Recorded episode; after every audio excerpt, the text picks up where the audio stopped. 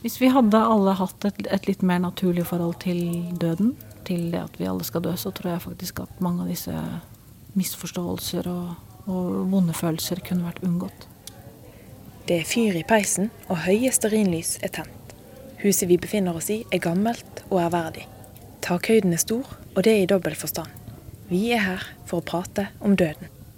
En dødskafé er jo først og fremst bare en kafé hvor eh, helt tilfeldige, vanlige mennesker møtes for å snakke om rett og slett døden. Alle mulige fasetter og aspekter og hva man nå måtte ønske å ta opp.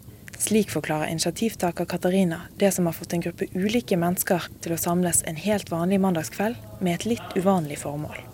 Det handler vel mye om at jeg syns døden er et veldig spennende tema som vi dessverre veldig ofte er altfor redde for.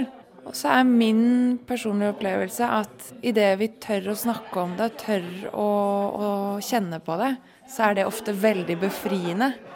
Og gjør at det faktisk blir lettere å, å leve, nesten. Fordi vi vet at døden også finnes, og vi aksepterer at den finnes. Og det er veldig deilig å komme her og, og snakke med andre som også, også, har lyst til å ha det som et tema. Da. Sier en av de yngre deltakerne på Dødskafé. Kveldens hoveddel er i gang. Vi deles i mindre grupper og får en meny med spørsmål. Har du forberedt din egen død? Hva er du redd for? Katarina mener slike spørsmål er tabu.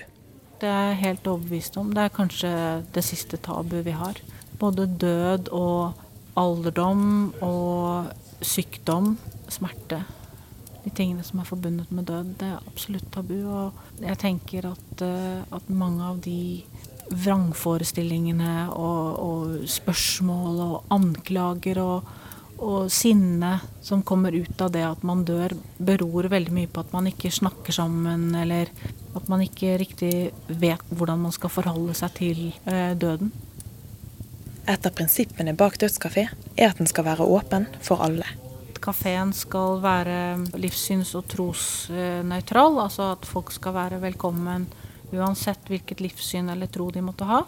Det skal ikke være noen ovenifra og nedholdning. Det skal ikke være noen mennesker som gir svar. Man kommer ikke på kafé for å få vite om svarene. Man kommer på kafé for å snakke med andre mennesker på likt nivå. Ideen til å starte dødskafé fikk Katarina og medarrangør Elsa i sommer. Det var, begynte med at vi leste om denne dødskafeen i England, eller denne bevegelsen, i avisen i sommer.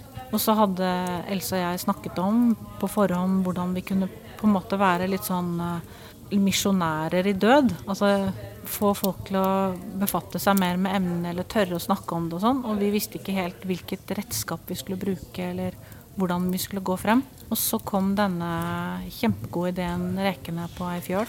Og vi omfavnet den på flekken og skjønte at jo, det er jo det vi skulle gjøre. Det var jo bare å lage en kafé. Det var ikke vanskelig den som så. Mens vi prater om døden, får vi servert quiche, kaffe og kake. Man har funnet ut at folk spiser veldig mye mer gravferd enn de spiser både på dåp og bryllup. Så det er viktig at man blir sulten, tror jeg, å snakke om døden. Eh, av en eller annen grunn. Så det gjør noe med oss fysisk. Så da er det viktig at man har den hyggen også det representerer. da.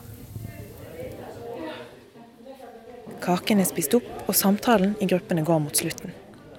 Vi samles for å oppsummere hva vi sitter igjen med etter kvelden. Jeg sitter med noen eh, Både noen sånne ting som kanskje har landa litt i meg, og som jeg føler at nå er det greit. Men så har det dukka opp litt nye spørsmål som jeg må ta med meg hjem og, og tenke litt på. Hva skjer etter døden?